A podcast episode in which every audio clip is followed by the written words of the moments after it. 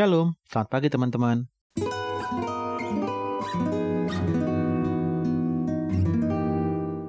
Gimana kabarnya hari ini? Semoga semua selalu sehat ya.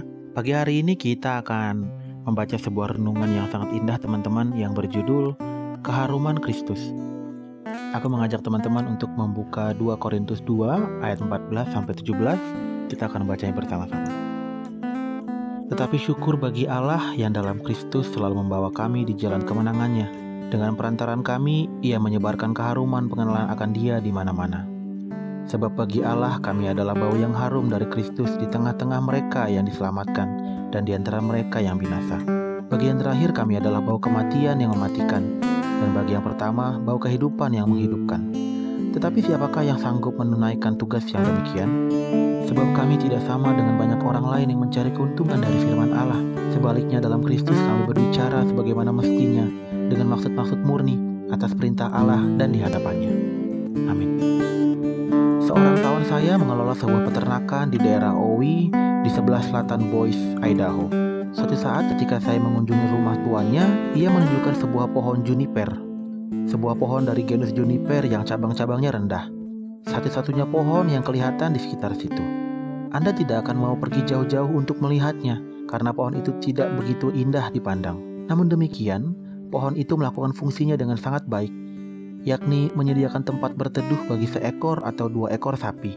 Kawan saya berkata kepada saya, itu adalah ilustrasi terbaik yang pernah ia lihat tentang prinsip berbungalah di mana engkau ditanam. Analoginya membuat saya berpikir tentang pengelola peternakan lain yang tinggal di dekat Lometa, Texas. Ia kenal semua orang di kota itu. Ia mengetahui masing-masing nama mereka dan juga apa yang sedang terjadi dalam kehidupan mereka. Ia akan berhenti dan bertanya bila ada seorang anak yang sakit atau pernikahan yang bermasalah, dan ia akan menawarkan kata-kata penghiburan atau doa. Ia tidak memaksakan imannya kepada orang lain, tetapi pengaruh imannya tinggal melekat ke mana pun ia pergi ia menyebarkan bau yang harum dari Kristus kepada sekitarnya. Kita bisa menyebarkan keharuman yang sama ke mana pun kita pergi teman-teman, yakni dengan menyatakan kasih Yesus. Bahkan jika tak seorang pun mengakui usaha kita, Allah melihat dan mengetahuinya.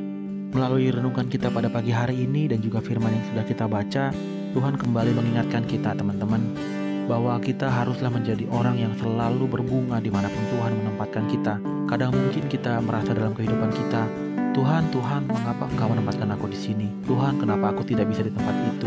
Lalu pada akhirnya kita tidak melakukan yang terbaik yang dapat kita lakukan. Tapi melalui firman Tuhan dan renungan pagi ini, Tuhan kembali mengingatkan kita, Tuhan kembali menegur kita bahwa di mana pun Tuhan menempatkan kita, kita haruslah melakukan yang terbaik. Kita haruslah berbunga. Kita haruslah menyebarkan bau yang harum tentang Kristus. Dan percayalah teman-teman, apa pun yang teman-teman lakukan, apa pun yang kita lakukan di dalam nama Tuhan Yesus, Tuhan akan selalu mengingatnya. Karena Tuhan melihat apa yang ada dalam hati kita.